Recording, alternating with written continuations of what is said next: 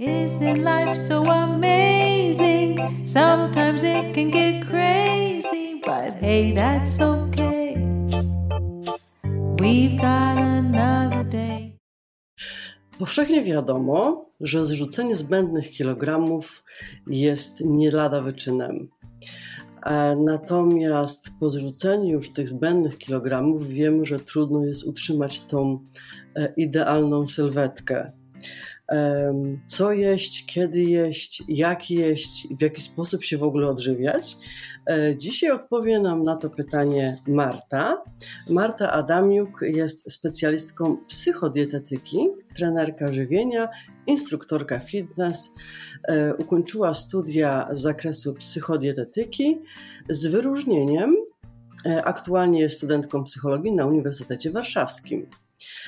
O zdrowiu myśli holistycznie, jako o sumie równowagi organizmu, sprawności ciała i dobrostanu umysłu no właściwie podejście takie jest. Troszeczkę więcej nam opowiesz o sobie i o, o tym e, podejściu holistycznym, jeśli chodzi o nasze odżywianie, ale wiem, że ta droga nie była taka prosta, akurat jeśli chodzi o ciebie. Ten wybór nie był taki jednoznaczny, e, kiedy zastanawiałeś się, co chcesz w życiu robić. Może tak krótko nam opowiedz o swojej historii. E, cześć, dzień dobry, zgadza się. Ta droga nawet e, nie tyle nie była prosta, co była wręcz e, bardzo zawiła. Tak sobie próbowałam przypomnieć ten moment, kiedy w liceum myślałam o swojej przyszłości, o tym, co będę robiła. I dzisiaj z perspektywy czasu wiem, że ja nie potrafiłam tej decyzji wtedy podjąć. Miałam mnóstwo pomysłów na siebie, co ja bym mogła robić. Miałam taki pomysł, żeby zostać i dziennikarką, i tłumaczką, i specjalistką od PR-u, i było to te pomysły były wszystkie z innej parafii. Ostatecznie właśnie poszłam na pierwsze studia na lingwistykę stosowaną, głównie za namową rodziny, tak myślę teraz. E, bo z wszystkich kierunków, na które złożyłam, złożyłam w sumie tylko na takie humanistyczne kierunki, dziennikarstwo, właśnie też jakieś e, nauki też e, społeczne, moja rodzina uznała, że to jest taki jedyny kierunek, który daje jakiś konkretny zawód. Czyli jak skończę lingwistykę stosowaną, to mogę być tłumaczem, mam konkretną umiejętność, znam dwa języki obce e, i daje mi to po prostu taki fach e, w rękach. No i po prostu mając te 19 lat stwierdziłam, no, że chyba wiedzą, co mówią i zdecydowałam się na te studia które skończyłam, mimo że było bardzo ciężko też. E, nie czułam ich od początku, było bardzo trudno tak mi się odnaleźć w ogóle na tych studiach psychicznie też na początku na pewno i były po prostu trudne. Rzeczywiście te studia, pamiętam, że moi znajomi, którzy byli na innych kierunkach studiów, takich właśnie bardziej społecznych, e, uczyli się tylko w sesji, a ja rzeczywiście na tych studiach siedziałam codziennie, odrabiałam lekcje, przygotowywałam się do zajęć e, i też przez dwa lata to rzeczywiście tak, tak wyglądało. Natomiast no ja nie do końca to czułam, że to jest zdecydowanie to, co ja bym chciała robić. Dlatego też będąc na drugim roku, E, złożyłam jeszcze raz na taki kierunek dziennikarstwo ze specjalizacją właśnie też PR-ową i stwierdziłam, że będę studiowała na raz dwa kierunki. Oczywiście moja mama od razu mówiła, że to jest w ogóle głupi pomysł, mam dobre studia, po co mi to i tak dalej. E, w związku z czym ja też nawet już zorientowałam, że te studia rzeczywiście nie są dla mnie, to jeszcze próbowałam sama się przekonywać, że muszę im udowodnić, prawda, że ja teraz e, na tych studiach wytrzymam i zrezygnowałam dopiero po pierwszym roku, mimo że już dużo wcześniej wiedziałam, że rzeczywiście e, to nie jest to, co bym chciała robić. Tak. I rzeczywiście poszłam dalej w tą lingwistykę, skończyłam te studia, licencjat, później już siłą rzeczy skończyłam też magisterkę. Pracowałam jako tłumaczka też bardzo długo. Mm, założyłam szybko własną działalność gospodarczą, dlatego że w zawodzie tłumacza to trochę jest tak, że ciężko gdzieś pracować na etacie i na pewno się to też tak bardzo nie opłaca. Mm, dostałam dofinansowanie z Urzędu Pracy na założenie swojej działalności. I pracowałam przez kilka lat w tym zawodzie, trochę się nie zastanawiając, czy to jest na pewno to, co bym chciała robić, tylko siłą rzeczy to umiałam, więc, e, więc to też robiłam.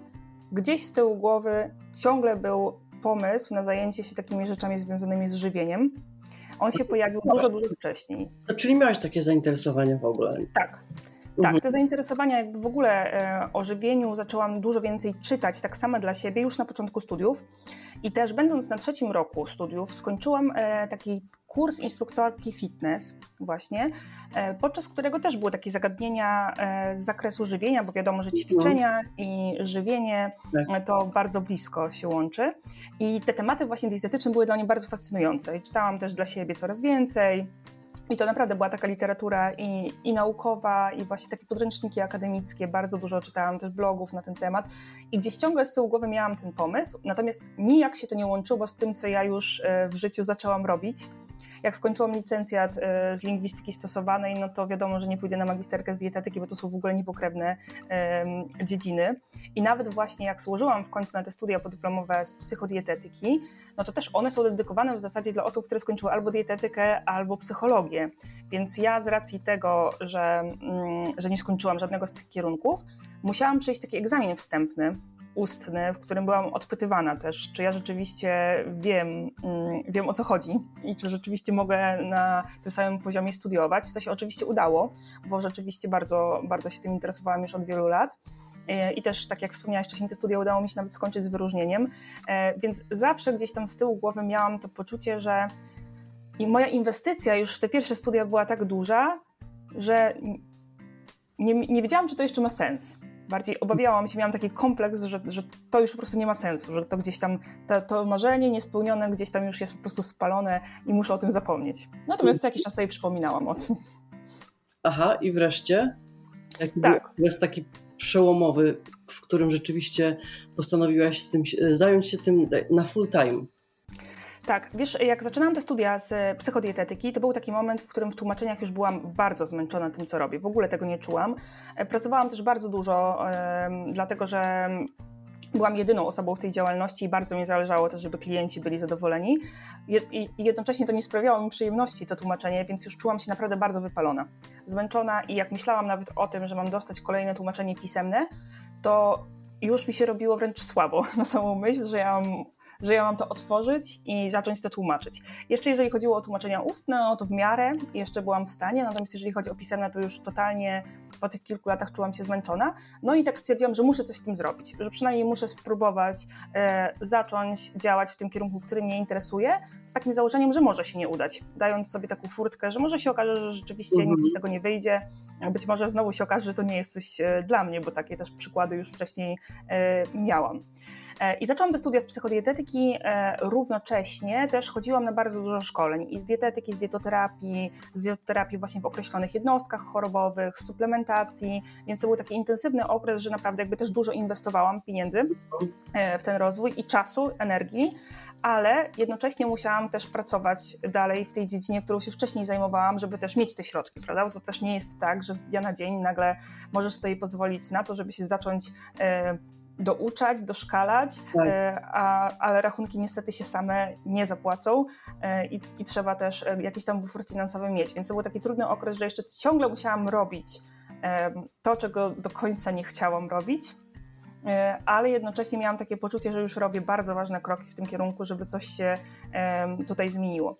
Na tych studiach z psychodietetyki w ogóle się okazało, że te elementy związane z psychiką i z psychologią żywienia są dla mnie nawet bardziej ciekawe niż taka stricte dietetyka, dlatego że na tych studiach mieliśmy dwa moduły, które były równoległe, moduł taki właśnie czysto dietetyczny i moduł właśnie takiej psychologicznej pracy z pacjentem. I to mnie na tyle zainteresowało, że stwierdziłam, że jest mi mało, że chciałabym e, więcej. E, dlatego też zaczęłam od razu, tak rzutem na taśmę, po skończeniu tych studiów podyplomowych, zaczęłam jeszcze studia z psychologii, mm, które teraz mam, mam w toku. E, I szukałam sama też we własnym zakresie różnych takich możliwości, żeby gdzieś u kogoś się podszkolić, dostać się na jakiś staż i to często były rzeczy zupełnie za darmo na początku. Sama się odzywałam do różnych poradni dietetycznych, czy mogłabym też za darmo na przykład właśnie być na jakimś stażu. Na początku pisałam artykuły na strony e, takich poradni, albo też miałam możliwość obserwować konsultacje, które prowadziły osoby, które tam pracowały i też bardzo dużo e, w takiej pracy, w praktyce się nauczyłam bo rzeczywiście można sobie popatrzeć e, na takie żywe przypadki. E, na żywego człowieka, który przychodzi z problemami i też zobaczyć, jak się do tego podchodzi, jakie są metody pracy, a każdy też specjalista mm, ma swoje własne metody, więc myślę, że to był naprawdę taki okres, w którym bardzo dużo się nauczyłam. Pomimo, że robiłam to zupełnie za darmo, przynajmniej nie musiałam za to płacić, więc to jest jakby jakaś tam różnica, jeżeli chodzi o studia i o te wszystkie kursy. Ale też e, skontaktowałam się z taką organizacją, mm, warszawską organizacją, fundacją, która zajmuje się pomocą osobom z zaburzeniami odżywiania. E, I tam też na początku dostałam się na taki darmowy staż. I to rzeczywiście wymagało ode mnie bardzo dużego zaangażowania, dlatego że miejsce, w którym ten ośrodek się znajduje, jest pod Warszawą. I to jest jakby taka godzina drogi pociągiem z centrum Warszawy. Więc na początku jeździłam tam dwa razy w tygodniu i to była bardzo duża inwestycja dla mnie, taka też e, czasowa, bo musiałam tam dojechać, potem wrócić wieczorem e, do domu i jednocześnie musiałam pracować, studiować jeszcze, bo już zaczęłam wtedy psychologię, ale było to też e, bardzo duża inwestycja taka emocjonalna, bo ja w zasadzie pierwszy raz też widziałam mm, rzeczywiście w praktyce, jak wygląda taka terapia osób z zaburzeniami odżywiania, jak takie osoby funkcjonują i myślę, że to mi dało bardzo dużo, taki przyspieszony, przyspieszony kurs tego, jak w ogóle w praktyce się funkcjonuje. No i też właśnie tam dostałam bardzo duże mm, zaufanie od e, dyrektorki e, tego ośrodka. Ona się bardzo szybko zorientowała, że ja rzeczywiście bardzo się interesuję tą dziedziną i że też bardzo jestem chętna do tego, żeby różne rzeczy e, robić, więc zaczęłam później też konsultować pacjentów i dostałam też właśnie później możliwość, żeby już w poradni też przyjmować swoich pacjentów. Poradnia jest już na miejscu w Warszawie, więc to jest dużo łatwiejsze tak logistycznie pod tym względem.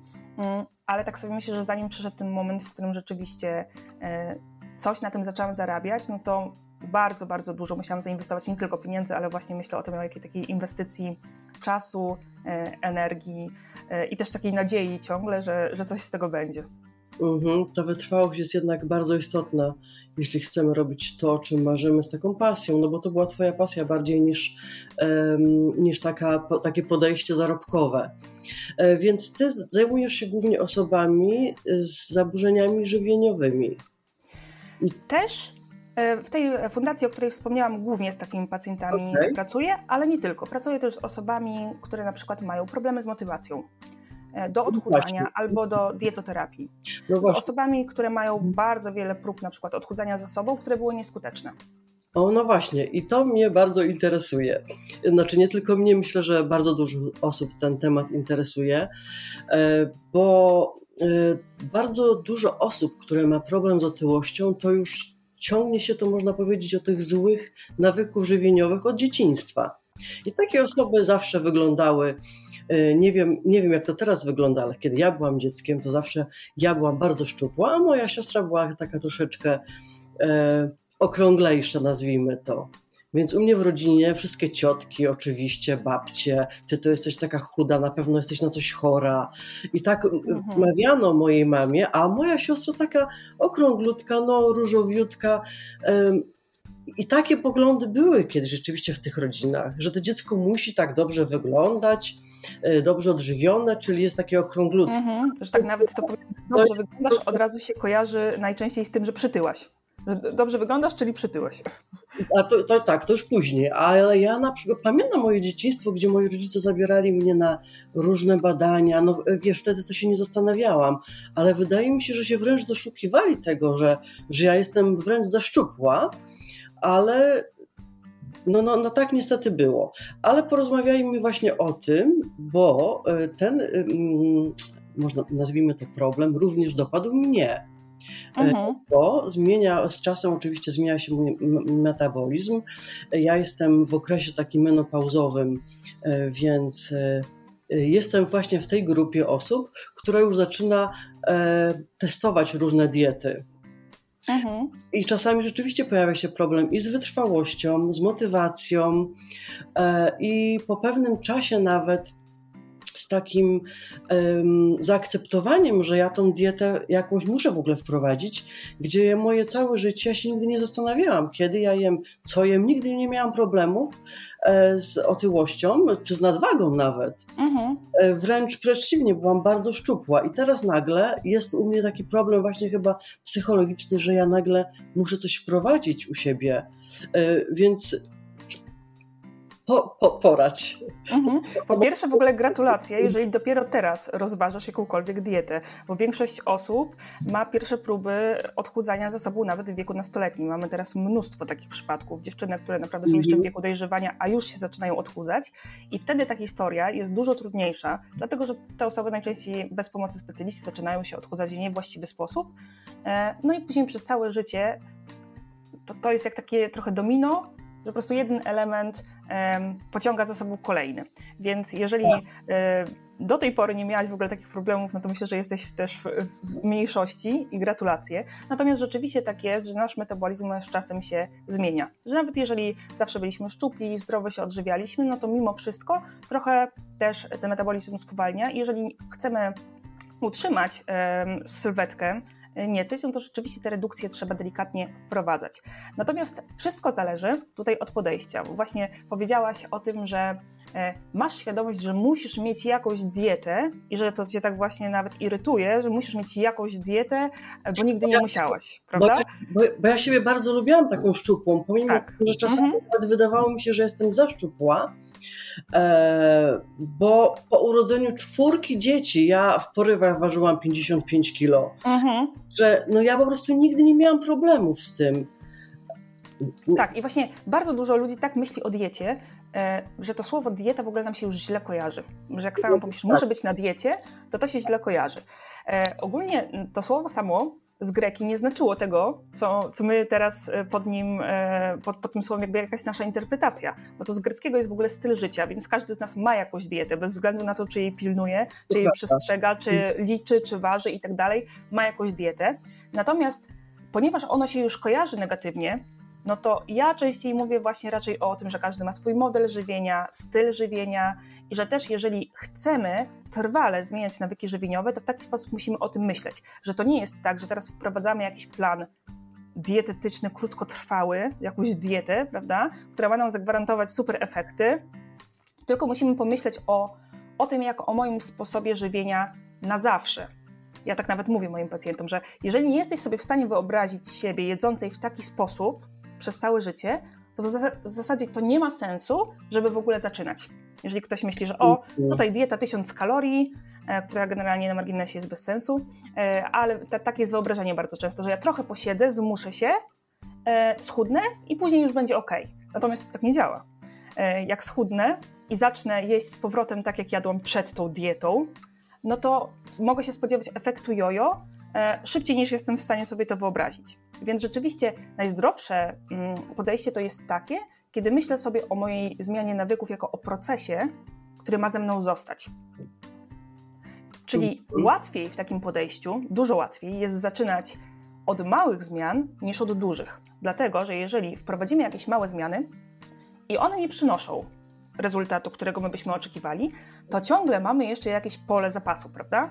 Jeżeli obetniemy kaloryczność trochę i na przykład ta masa ciała nie spada, tak jakbyśmy chcieli, no to ciągle mamy jeszcze kolejne 100-200 kalorii, które możemy obciąć. Jeżeli zaczniemy od razu od jakichś drakońskich diet, typu właśnie 1000-1200 kalorii, ona się po jakimś czasie na pewno okaże nieskuteczna, dlatego że tak działa ludzki organizm, że tak niedoborowe diety są po prostu nieskuteczne, a później już nie mamy za bardzo pola do manewru, prawda? Przecież nie będziemy obcinać dalej do, nie wiem, do 500 kalorii, bo po prostu e, szybciej nas to wpędzi do grobu niż e, odchudzi. Dlatego e, tak, tak, od razu powiem, że największym błędem, jaki popełniają osoby, które chcą schudnąć, to jest to, że podejmują za duże restrykcje w stosunku do tego, jak byśmy to zrobili, gdybyśmy to zaplanowali właśnie e, wspólnie w gabinecie. Tak, dokładnie, zgadza się. No właśnie na przykładzie też mojej siostry, ona już miała e, dietę, no właśnie, my nazywamy dietą, e, czyli takie próby podejmowania i brak tej motywacji. I rzeczywiście no, wprowadzanie czegoś na krótko, nawet, znaczy ja, ja staram się unikać w ogóle tego typu diet. E, mhm. Chciałabym zmienić, aczkolwiek zawsze dbałam o to, żeby to jedzenie było pełnowartościowe, żeby były w nim warzywa, żeby były owoce regularnie. No i jednak coś tam nie zadziałało, ale e, no u mnie, u mnie to jest metabolizm. Ale mhm. właśnie um, u takich, e, wydaje mi się, że ta aktywność fizyczna jest również istotna. Jest bardzo ważna, tak. Bo, bo Szczególnie w takim przypadku, jeżeli rzeczywiście jesz zdrowo, ale jest to związane z tym, że metabolizm troszkę spowalnia w tym okresie właśnie menopauzalnym, to można to trochę też nadrobić właśnie aktywnością fizyczną lub delikatną właśnie redukcją e, energii. Natomiast aktywność fizyczna może nam bardzo pomagać. Mhm. E, a co z osobami, które podjadają sobie, bo na przykład e, siedząc w pracy przez mhm. 8 godzin przy biurku, tak szukamy jakiegoś takiego zajęcia, bo ta praca jest czasami no, taka monotonna. I, i, i szukamy, albo wieczorem mamy też takie tendencje do podjadania, mhm. tak. albo zajadamy na przykład stres, bo mamy jakieś problemy Mhm. Tak, wchodzimy teraz w ogóle w bardzo duży temat, który bym y, schowała w całości pod parasolem jedzenia emocjonalnego, czyli mhm. jedzenia odpowiedzi na różne emocje. Tak jak sama powiedziałaś, mamy mnóstwo takich przykładów w życiu, kiedy wiemy, że nie jesteśmy głodni, ale jemy, bo coś się z nami dzieje. I to może być albo nuda, nie mam co ze sobą zrobić, to idę do lodówki. Może być stres. Stres działa na ludzi właśnie albo rozhamowująco, albo hamująco. Niektórzy nie mogą jeść, jak się stresują, a niektórzy wręcz przeciwnie. Mają ochotę cały czas podjadać. Ale to bardzo często też są pozytywne emocje, które wynikają z naszych nawyków. Na przykład byliśmy całe życie nagradzani słodyczami za, nie wiem, dobre oceny. Za dziecka. Mhm. Tak. I teraz też w dorosłym życiu, jeżeli to było rzeczywiście powtarzane jakoś w naszej historii bardzo często, to w dorosłym życiu bardzo często też, jak ktoś na przykład, nie wiem, zda egzamin na bardzo dobrą ocenę albo dostanie awans, to też się wynagradza w taki sposób. A, to mi się należą teraz lody. Więc teraz mhm. idę sobie na lody albo na jakąś taką uroczystą kolację. Więc rzeczywiście to się przede wszystkim bardzo mocno wiąże z nawykami, które sobie wyrobiliśmy. I nawyki mogą nam służyć albo mogą nam nie służyć. Nawyki tworzymy, nasz mózg tworzy nawyki po to, żeby ułatwić sobie funkcjonowanie. Gdybyśmy robili wszystko refleksyjnie i zastanawiali się nad wszystkim, to po prostu byłoby nam bardzo ciężko e, przetrwać, dlatego że mózg nie jest w stanie obrobić takiej ilości danych. Dlatego automatyzuje sobie różne zachowania. Takie jak na przykład e, wieczorne mycie zębów. Nie zastanawiamy się w zasadzie nad tym i nie pamiętamy też tej sytuacji. Najczęściej ja nie pamiętam, jak wczoraj myłam zęby, a wiele wiem, że je umyłam. Często nie pamiętamy już drogi na przystanek autobusowy, jak jedziemy do, do pracy e, i mamy taką całą swoją gamę zachowań, które robimy automatycznie. I nawykami żywieniowymi jest tak samo. Żeby nasz mózg nie musiał cały czas przetwarzać tego, a co zjem, a co się stanie i tak dalej, no to bardzo często reagujemy w takich sytuacjach e, właśnie nawykowo. I jeżeli te nawyki się pogłębiły w dzieciństwie szczególnie, właśnie takie nagradzanie albo jedzenie e, z nudy, ze stresu, no to w dorosłym życiu jest nam dużo ciężej też z nimi walczyć, natomiast nie jest to niemożliwe. No, jak y, opanować ten swój mózg? Jak tak. pójść y, w, w, E, zacząć panować może nad nim? Mhm. Przede wszystkim e, przez jakiś okres musimy sobie włączyć to myślenie refleksyjne w takich sytuacjach, e, o których wiemy właśnie, że chcielibyśmy się im przyglądać. Czyli na przykład najpierw rozpoznajemy w ogóle taką sytuację, że rzeczywiście siedzę na przykład przy biurku, pracuję, mam ochotę coś zjeść, prawda? No to pierwsze, co w tej sytuacji można zrobić, to przyjrzeć się, co się ze mną dzieje. Czyli sprawdzić, czy ja na pewno jestem głodna, a jeżeli nie, to jaka to jest emocja? Mhm. Czyli na przykład siedzę przy biurku, coś tam sobie piszę, jestem zestresowana. Pojawia mi się w głowie taki w ogóle odruch, że och, ale bym zjadła teraz czekoladę. To zanim pójdę po tą czekoladę, to włączam takie myślenie refleksyjne i się zastanawiam, czy ja teraz jestem głodna?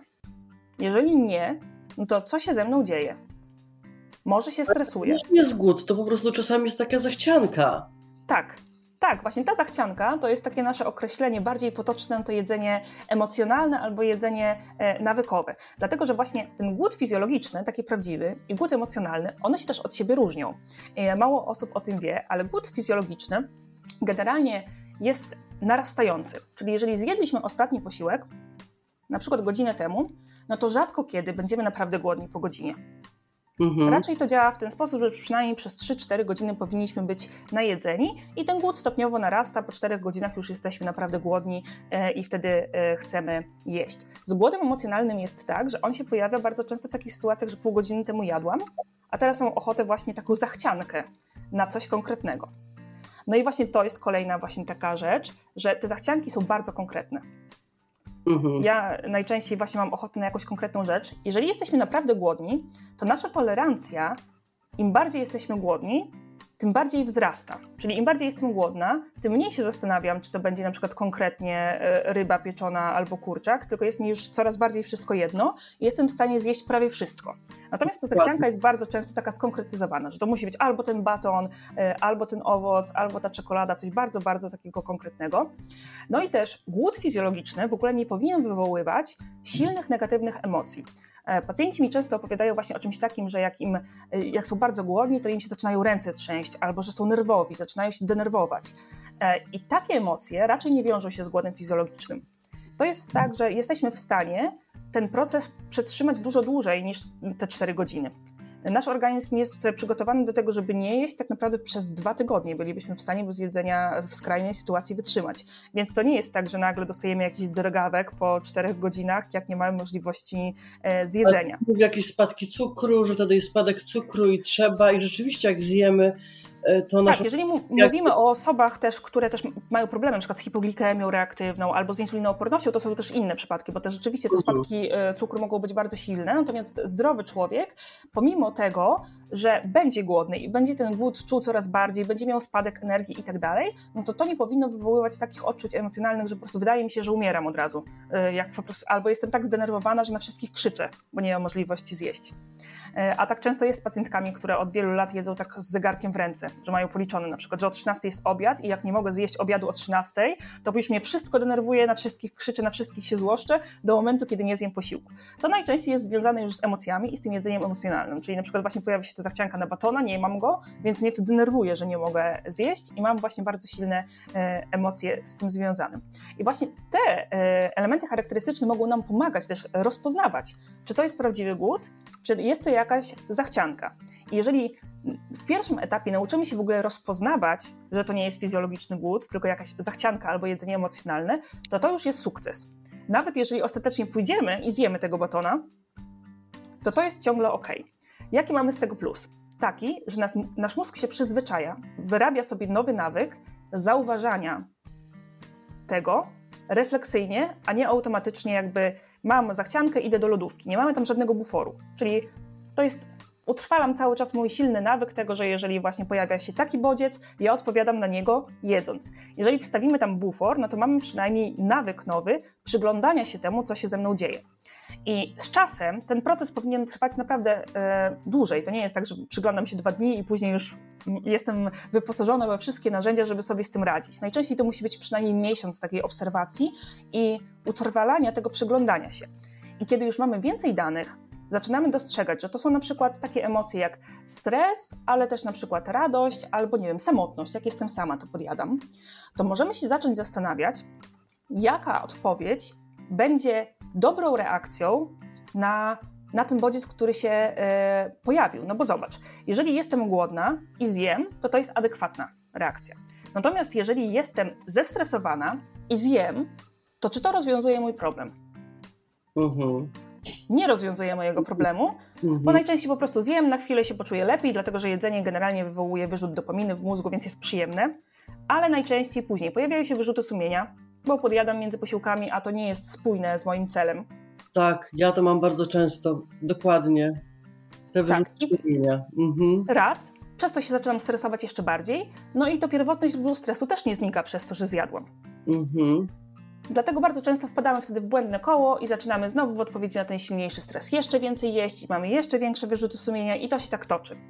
Natomiast możemy sobie zacząć po pewnym okresie, jak już będziemy wiedzieli, że to jest na pewno stres, zacząć się zastanawiać, jaka byłaby adekwatna odpowiedź na to, że ja się stresuję. I tutaj nie ma jednej dobrej odpowiedzi. Zawsze sobie tutaj z pacjentami pracujemy indywidualnie, bo dla jednego na przykład rozładowaniem stresu będzie to, że sobie poćwiczy. Ktoś pójdzie pobiegać, ale ktoś na przykład weźmie gorącą kąpiel i to jest dla niego taka relaksacja. Dla kogoś to będzie medytacja, dla kogoś czas wartościowy spędzony z bliskimi czy ze zwierzakiem, przytulenie się do kogoś i tak dalej. E, więc tym kolejnym etapem jest szukanie moich własnych sposobów, na przykład redukcji stresu, ale moich własnych sposobów również na nudę, czy na taką sytuację jak, e, nie wiem, chcę, się, chcę siebie nagrodzić, czyli poszukanie innych form e, nagrody niż tylko jedzenie. Jeżeli rzeczywiście chcę siebie nagrodzić, no nie wiem, może mogę sobie kupić e, nową sukienkę, albo może w nagrodę mogę sobie pójść z koleżanką na kawę albo na spacer. czyli szukamy takich bardziej adaptacyjnych zachowań i próbujemy w tym buforze, w którym jakby wcześniej się przyglądaliśmy, spróbować zastosować nowe rozwiązania. I to jest znowu proces, bo musimy znowu utrwalić też to nowe zachowanie. Im tak. więcej razy powtórzymy na przykład właśnie medytację w sytuacji stresowej, jeżeli to jest dla nas służąca forma, tym dużo większe szanse są na to, że ten nawyk będzie coraz silniejszy i coraz częściej będziemy się zachowywać właśnie w ten adaptacyjny sposób, a nie sięgać po to jedzenie e, do lodówki. No to też trzeba wypracować w sobie tą samą dyscyplinę. Tak, tak. No, I to się trzeba nastawić naprawdę na proces. Tak, dokładnie, bo to jest taka trochę e, no, praca z własnym charakterem również, bo to, to, to, to nie są łatwe rzeczy. E, czy w ten sposób e, myślisz, no właśnie, czy, czy te sugestie, o których mówisz, czy to jest skierowane do osób, które mają problem z nadwagą i myślisz, że to może im pomóc? Czy to jest po prostu dla osób, które obecnie są szczupłe, świetnie się czują i zachować ten stan po prostu na, na zawsze. Mhm. Ja bym powiedziała, że to są sugestie dobre dla wszystkich. Dla Dlatego, że ktoś jest szczupły, to wcale nie musi znaczyć, że e, jego nawyki żywieniowe są zdrowe. Ja miałam w ogóle super przykład u mnie w domu, mój tata był zawsze Aha. szczupły, e, natomiast nie oceniłabym jego nawyków żywieniowych jako, jako zdrowe. E, jadł bardzo dużo słodyczy e, i też e, wszyscy zawsze mówili, że jest taki szczupły, natomiast po prostu miał, miał taki metabolizm od zawsze. Mhm. E, natomiast to wcale nie musi znaczyć, że te nawyki były zdrowe i służące. Dlatego my bardzo często tak pozornie patrzymy przez to, prawda, że człowiek szczupły, czyli człowiek zdrowy, a człowiek, który ma nadwagę albo otyłość, no to koniecznie musi być człowiek chory. To nie do końca mm, tak działa. Dlatego, że też właśnie a propos mm, nawet tej zmiany metabolizmu z wiekiem, badania pokazują, że w późniejszym wieku lekka nadwaga bardzo często koreluje z dłuższym życiem, z dłuższą średnią życia, niż właśnie e, mieszczenie się w dolnej granicy BMI.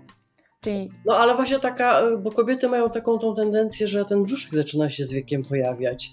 No, tak. kiedy ja o tym y, zaczęłam, zaczęłam się tym interesować, oczywiście czytać, y, bo, bo, bo no też tak, no wiadomo, no nie akceptuję tego, nie podoba mi się to, wolałam siebie szczuplejszą, e, to też e, znalazłam, że to jest groźne. Że to jest tak, jeżeli chodzi o tą tkankę tłuszczową, która odkłada się wokół brzucha, rzeczywiście to jest specjalny rodzaj e, tkanki tłuszczowej, visceralnej tkanki tłuszczowej. Mhm. I tam mamy jakby dwa rodzaje właśnie. To może być podskórna tkanka tłuszczowa, która jest dużo mniej niebezpieczna, po prostu jakby odkłada się pod skórą, tak jak w innych rejonach ciała, ale mm. może być też tkanka visceralna, która odkłada się wokół narządów wewnętrznych i wtedy ona rzeczywiście e, koreluje z dużo większą zapadalnością właśnie na choroby też układu sercowo-naczyniowego. Mhm. Mhm. I to się z wiekiem też może nasilać. E, I ten brzuch stresowy jest w ogóle takie podejście, właśnie ten brzuch stresowy bardzo jest często powiązany też z emocjami. Właśnie przez to, jak my się w ogóle stresujemy, to to na nasze zdrowie ma ogromny wpływ. Też taki właśnie fizjologiczny. Dzisiaj są takie czasy, y, że no ten stres jest taki wszechobecny wszędzie, bo nie tylko i, e, i w pracy. Wiadomo, ta, ta kariera dzisiaj jest taka, wydaje mi się, bardzo jesteśmy, nacisk kładziemy na tą karierę, ale też no, sytuacja i, i ta pandemia, i wojna, i teraz trzęsienie tak. ziemi, no to są wszystko takie sytuacje, e, że, że po prostu ja jestem bardzo e, emocjonalna i bardzo to wszystko przeżywam. Mhm. Więc no jest ten stres, nawet nie taki, który nie dotyczy dokładnie mojej osoby, ale jest wokół mnie. Tak, zgodzę się i powiem Ci nawet, że przez dwa lata po wybuchu pandemii e, co druga pacjentka, która zgłaszała się właśnie w fundacji, e, w której pracujemy z osobami z zaburzeniami odżywiania, mm, wskazywała jako moment startowy problemu właśnie mniej więcej początek pandemii. Mhm. Że był to albo jakiś moment spustowy, w którym się nasiliły objawy, albo wręcz właśnie początek e, problemu. Więc to pokazuje, jak bardzo ten moment wpłynął w ogóle na, na nas jako ludzi. Że ktoś się albo zaczął odchudzać, e, albo ktoś najpierw przytył, bo się zaczął przyjadać ze stresu i później właśnie mając wyrzut sumienia wpadał w błędne koło ciągłego odchudzania. I naprawdę co drugi przypadek to, to było takie stwierdzenie. Więc rzeczywiście ma to ogromne znaczenie to też, w jakim środowisku funkcjonujemy. Tak, to teraz daj nam taki złoty środek. Co jeść, kiedy jeść, w jaki sposób jeść, żeby mhm. czuli się świetnie, zdrowi, szczupli. Tak. Ja zawsze mówię, że psychodietetyka podąża za człowiekiem, więc jestem daleko od dawania na przykład takich rad, że najlepsze to jest jeść pięć posiłków dziennie. Bo to nie zawsze jest prawda. Pomimo tego, co się pisze we wszystkich e, magazynach, najlepiej jest pięć małych posiłków w regularnych porach.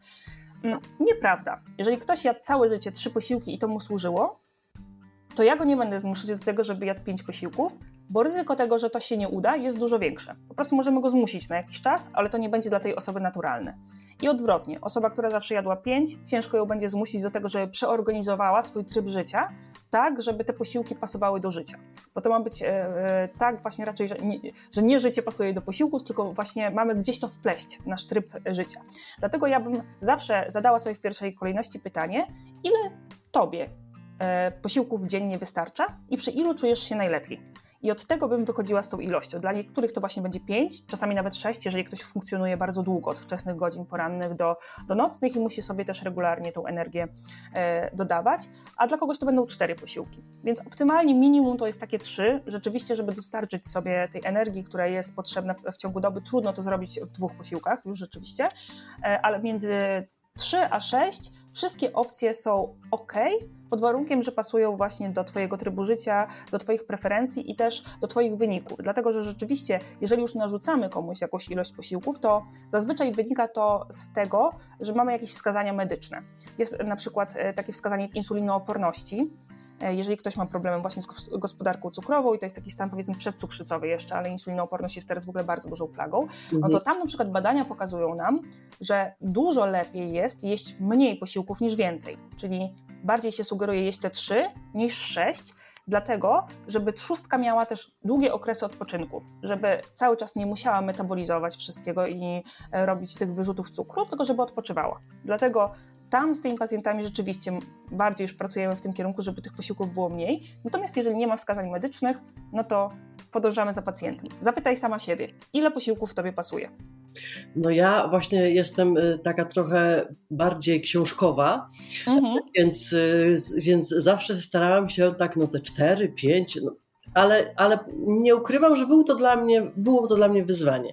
Mhm. Natomiast w domu mamy um, też taką sytuację dyskusyjną, dlatego że mój mąż je dwa razy dziennie. Ja, ja starałam się mu przetłumaczyć, że to jest niezdrowe, że on tak nie może takich przerw długich robić. A on do mnie mówi, że, że on nie, po prostu nie potrzebuje więcej. Że jak on zje duże śniadanie, to on do wieczora do, tego, do tej kolacji, do której siadamy wspólnie, jemu to wystarcza. Okej, okay. a czy nie ma później takiego napadu na przykład na jedzenie wieczorem? Bo często takie osoby, które nie jedzą cały dzień, mają ten okres nadrabiania wieczorem. Wiesz co, on miał taką tendencję do podjadania sobie takich, i, i tak jak ta twoja pacjentka podczas pandemii, to ja zauważyłam właśnie u nas w domu też ten problem. E, to nie był, to, to również z tego, że zaczęliśmy pracować z domu, mhm. była sama pandemia i stres wokół. To było to, że zaczęliśmy pracować z domu, że y, przestaliśmy czynnie uprawiać tą ćwiczenia. Tak, też były zamknięte miejsca, prawda? Wszystkie. Więc ten tryb no, był bardziej siedzący. E, I rzeczywiście, że ja zauważyłam u niego, u siebie nie, bo ja nie mam takiej potrzeby, ale on zaczął sobie podjadać, podjadać takie jakieś te chipsy, no, no generalnie um, niezdrowe, um, powiedziałabym rzeczy. E, I w tej chwili, ale zauważył ten problem, sam zauważył. Mhm. Oczywiście no, przy, przyszły te, te kilogramy, które i jemu i mnie się nie podobały, więc rzeczywiście był, jest, odstawił to. Mhm. W tej chwili jest ok, ale on te nawyki takie właśnie, że śniadanie i obiado, kolację, to miał od zawsze. Tak, to się może sprawdzać, jeżeli rzeczywiście nie wywołuje to jakichś takich skutków ubocznych, bo najczęściej u osób, które nie jedzą cały dzień, e, pojawia się to nadrabianie wieczorem, dlatego że organizm ogólnie potrzebuje energii, żeby funkcjonować w ciągu dnia. Jest też tak przyzwyczajony, że rano w ogóle powinniśmy też tej energii dostarczać najwięcej, żebyśmy mieli siłę po prostu rano też e, wstać do pracy, pójść do pracy i zacząć też pracować i musimy też w miarę tą energię utrzymywać w ciągu dnia, no a później na wieczór już raczej powinniśmy jeść tak lżej strawnie, dlatego że też organizm przygotowuje się już do odpoczynku. Jeżeli jemy bardzo późno na, przed snem, no to on też zamiast odpoczywać będzie trawił całą noc. W rezultacie najczęściej wstaniemy niewyspani, e, dalej zmęczeni i tak dalej. Więc jakby to jest dużo zdrowszy tryb, taki zgodny z naszym cyklem okołodobowym. No i bardzo często osoby, które pomijają te posiłki, które powinny być w środku dnia, mają tendencję do nadrabiania wieczorem, bo spada stres, e, spadają emocje związane z pracą i się okazuje, że właśnie na przykład ta jedna kolacja to jest dla mnie za mało, a tu jeszcze batonik, a tu jeszcze coś tam. Natomiast są też osoby, którym to się może sprawdzać. I tutaj właśnie tak jak mówię, psychodietetyka podąża za pacjentem. Ja bym się temu przyjrzała, czy rzeczywiście jakby, jeżeli nie ma żadnych negatywnych konsekwencji tego, no to prawdopodobnie to jest po prostu taki model, który, który pasuje tutaj obniżowi. No tak, ale właśnie wróćmy jeszcze do tego spania, o którym wspomniałaś, bo to jest bardzo istotna rzecz. Ja zauważyłam, y, że te problemy ze spaniem pojawiły się i, i u niego, i u mnie. I właśnie teraz co jeść, kiedy jeść, mhm. żeby, żeby się dobrze wysypiać, żeby wypoczywać, żeby ten nasz organizm nie był przeciążony y, w nocy mhm. pracą nad trawieniem. Tak, idealnie to jest 2-3 godziny przed snem, w zależności od tego, czy to jest e, mały posiłek lekkostrawny, czy trochę większy. Jeżeli to jest mały lekkostrawny, to 2 godziny zdecydowanie wystarcza. Jeżeli trochę bardziej e, ciężej strawny albo większy po prostu objętościowo, to 3 godziny. Natomiast nie jest e, prawdą, że nie można jeść po 18 E, nie można, jeżeli się chodzi spać o 20 albo o 21, no to wtedy rzeczywiście 18 to będzie taka najlepsza godzina. Natomiast jeżeli się chodzi na przykład o 22, 23, no to 18 to jest zdecydowanie za wcześnie. I z bardzo dużym prawdopodobieństwem w nocy będziemy mieć też problemy ze snem, bo kończy się zapas glikogenu, który jest potrzebny właśnie do regeneracji i też będziemy mieć problemy ze snem. Jeżeli zjemy z kolei tuż przed snem, no to organizm będzie trawił i też będzie ten sen ym, nieproduktywny. Dlatego najlepiej to jest właśnie te 2-3 godziny przed snem, ale nie tylko jedzenie ma znaczenie, jeżeli chodzi o jakość snu. Teraz właśnie wspomniałyśmy sobie wcześniej o tym naszym trybie życia w stresującym świecie. Mamy bardzo dużo innych czynników, które mogą wpływać też na to, jak śpimy. Między innymi na przykład właśnie niebieskie ekrany i niebieskie światło jeżeli siedzimy wieczorem do późna przed telewizorem, przed komputerem albo przed telefonem, no to to niebieskie światło ma takie działanie na nasz organizm, że opóźnia wydzielanie melatoniny. I mówi się, że to może być nawet o dwie godziny, o dwie, trzy godziny. E, I wtedy bardzo często, jeżeli się naświetlamy tym niebieskim światłem, to mamy problemy z zaśnięciem, dlatego że cykl wydzielania melatoniny się opóźnia. Więc e, trudno jest niestety w dzisiejszych czas, czasach zdecydować się od razu, że odstawiamy telefony na 2-3 godziny przed snem i po prostu czytamy tylko książkę. Albo e... kancelujemy y, subskrypcję do Netflixa, bo u nas tak. jest problem. Bo... Tak, tak, tak, bo nie jesteśmy zawsze gotowi na tak radykalne kroki, tak. ale są półśrodki. E, na przykład można sobie zainstalować na telefonie albo na komputerze taką specjalną nakładkę. To są zazwyczaj dodatkowe aplikacje, które zmieniają kolor światła na bardziej ciepły. I to już jest przynajmniej trochę lepiej. Mimo tego, że siedzimy, coś tam pracujemy wieczorem przy tym komputerze, no to ta barwa światła jest mniej inwazyjna. Druga rzecz to jest też ćwiczenia e, tuż przed snem. Badania pokazują, że intensywne badania tuż przed snem, e, ćwiczenia tuż przed snem, czyli na przykład o 20, 21 idziemy na bardzo intensywny trening, gdzie jest e, wysokie tętno, właśnie ćwiczenia interwałowe albo jakieś takie aerobowe ćwiczenia, no to właśnie też melatonina, jej cykl znowu się wydłuża. I mhm. jeżeli chodzi o jakość snu, bardzo często to też może nie służyć, szczególnie dla osób, które się też mocno stresują w ciągu dnia. Bo też ja się często spotykam z takim, z takim stwierdzeniem, że właśnie jak ja się stresuję w pracy cały dzień, to taki intensywny trening na noc, to on mnie odstresowuje. Tak. I rzeczywiście psychologicznie e, może tak być, że on nas odstresowuje, natomiast mamy jeszcze coś takiego jak pojęcie stresu fizjologicznego, czyli reakcja stresowa organizmu. E, to polega na tym, że nasze nadnercza produkują e, kortyzol, który wyrzucają w takich reakcjach e, stresowych. Ewolucyjnie to by było na przykład taki przykład, że ten człowiek pierwotny spotyka jakieś dzikie zwierzę i musi przed nim uciekać, więc dochodzi do wyrzutu kortyzolu, który ma go zmotywować do tego, żeby właśnie wziąć nogi za pas i uciekać albo walczyć. I też ta reakcja funkcjonuje w nas cały czas, pomimo że trochę warunki życia się zmieniły.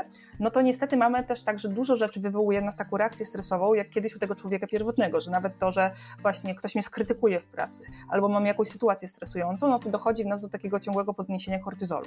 Ale mało ludzi wie, że właśnie intensywne treningi też podnoszą poziom kortyzolu.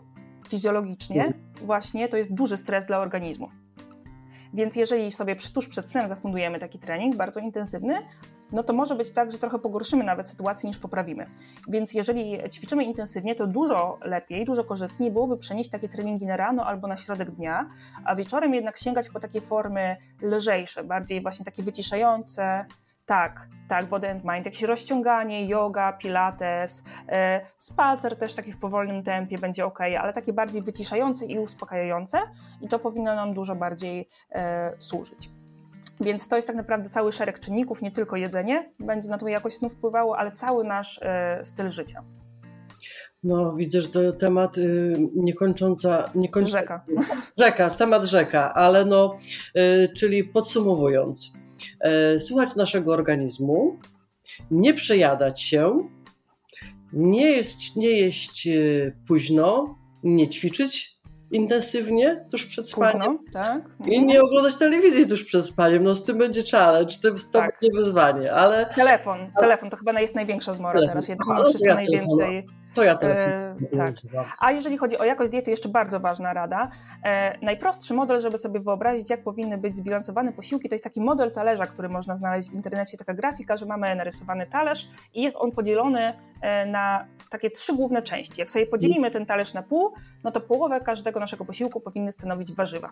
Warzywa w ogóle powinny być bazą naszej diety e, i, i też niestety ciągle mamy problem z tym, że dużo ludzi je warzyw za mało. E, Mhm. I później tą naszą drugą połowę talerza dzielimy sobie jeszcze na pół, czyli mamy dwie ćwiartki.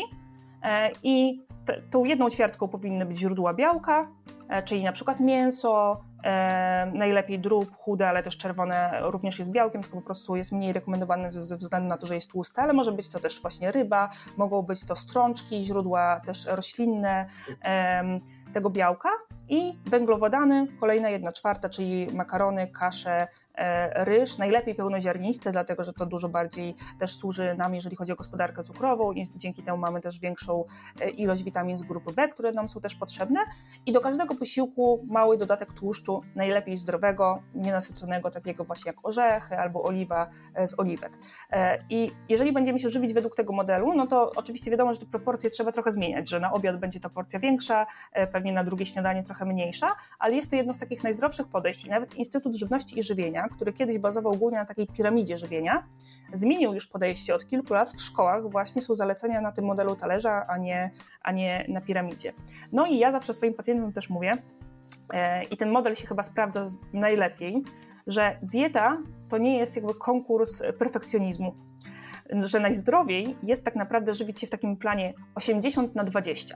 80% to jest właśnie ten core naszej diety, które powinny stanowić produkty nieprzetworzone, bazujące właśnie na, tym, na tej zasadzie e, bilansowania posiłków, o której sobie teraz e, powiedziałyśmy, Mhm. ale 20% to jest nasz margines błędu. Czyli jeżeli są takie rzeczy, które lubimy, ale one się nie mieszczą totalnie w tych naszych zaleceniach, no to też e, z jakiegoś powodu e, warto jest je jeść, wplatać w swoją codzienną dietę. E, I te powody dla każdego mogą być różne, ale najczęściej chodzi o to, że jeżeli czegoś sobie bardzo mocno zakazujemy, a to lubimy, no to ryzyko tego, że po to sięgniemy, bardziej wzrasta. Dlatego, że nasz mózg ma taką naturalną reakcję, że jak czegoś się nam zakazuje, to my najchętniej mamy ochotę zrobić, na, najczęściej mamy ochotę zrobić zupełnie na odwrót. Czyli jak ktoś ci mówi, żebyś czegoś nie robiła, na przykład mama jak nam kazała, no to zawsze się pojawił ten bunt taki wewnętrzny, że na to samo zrobię coś innego.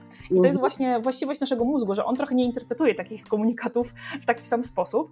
I bardzo często, jak mu będziemy nasilać e, takie komunikaty, że nie możesz jeść czekolady, nie mogę jeść czekolady, muszę się powstrzymać od jedzenia czekolady, to paradoksalnie my o tej czekoladzie zaczynamy myśleć coraz więcej i ryzyko tego, że jej zjemy dużo więcej, jest coraz większe. Więc jeżeli te 20% wplatamy w swoją codzienną dietę, od czasu do czasu właśnie jakieś rzeczy, które bardzo lubimy, no to długoterminowo jest dużo lepiej, niż jeżeli będziemy jeść idealnie, a pewnego dnia po prostu nie wytrzymamy i rzucimy wszystko w cholerę i będziemy jeść fast foody, słodycze i tak dalej, bo w końcu nam się należy, nie? dokładnie, dokładnie. Y, Marta, mega wiedza. Bardzo Ci jestem wdzięczna za tą, y, za tą, że zgodziłaś się wziąć udział w tym wywiadzie. I tutaj, Ja bardzo dziękuję za zaproszenie, było mi bardzo miło. no naprawdę wiedza y, absolutnie dla mnie niesamowita. Dziękuję bardzo za to spotkanie jeszcze raz i do zobaczenia. Ży- Życzę wszystkiego dobrego. Dzięki wielkie i wzajemnie. Wszystkiego dobrego. We've got another day to make mistakes and say sorry. There's no sense in our worry, cause all we can do is try our best to make it through with love.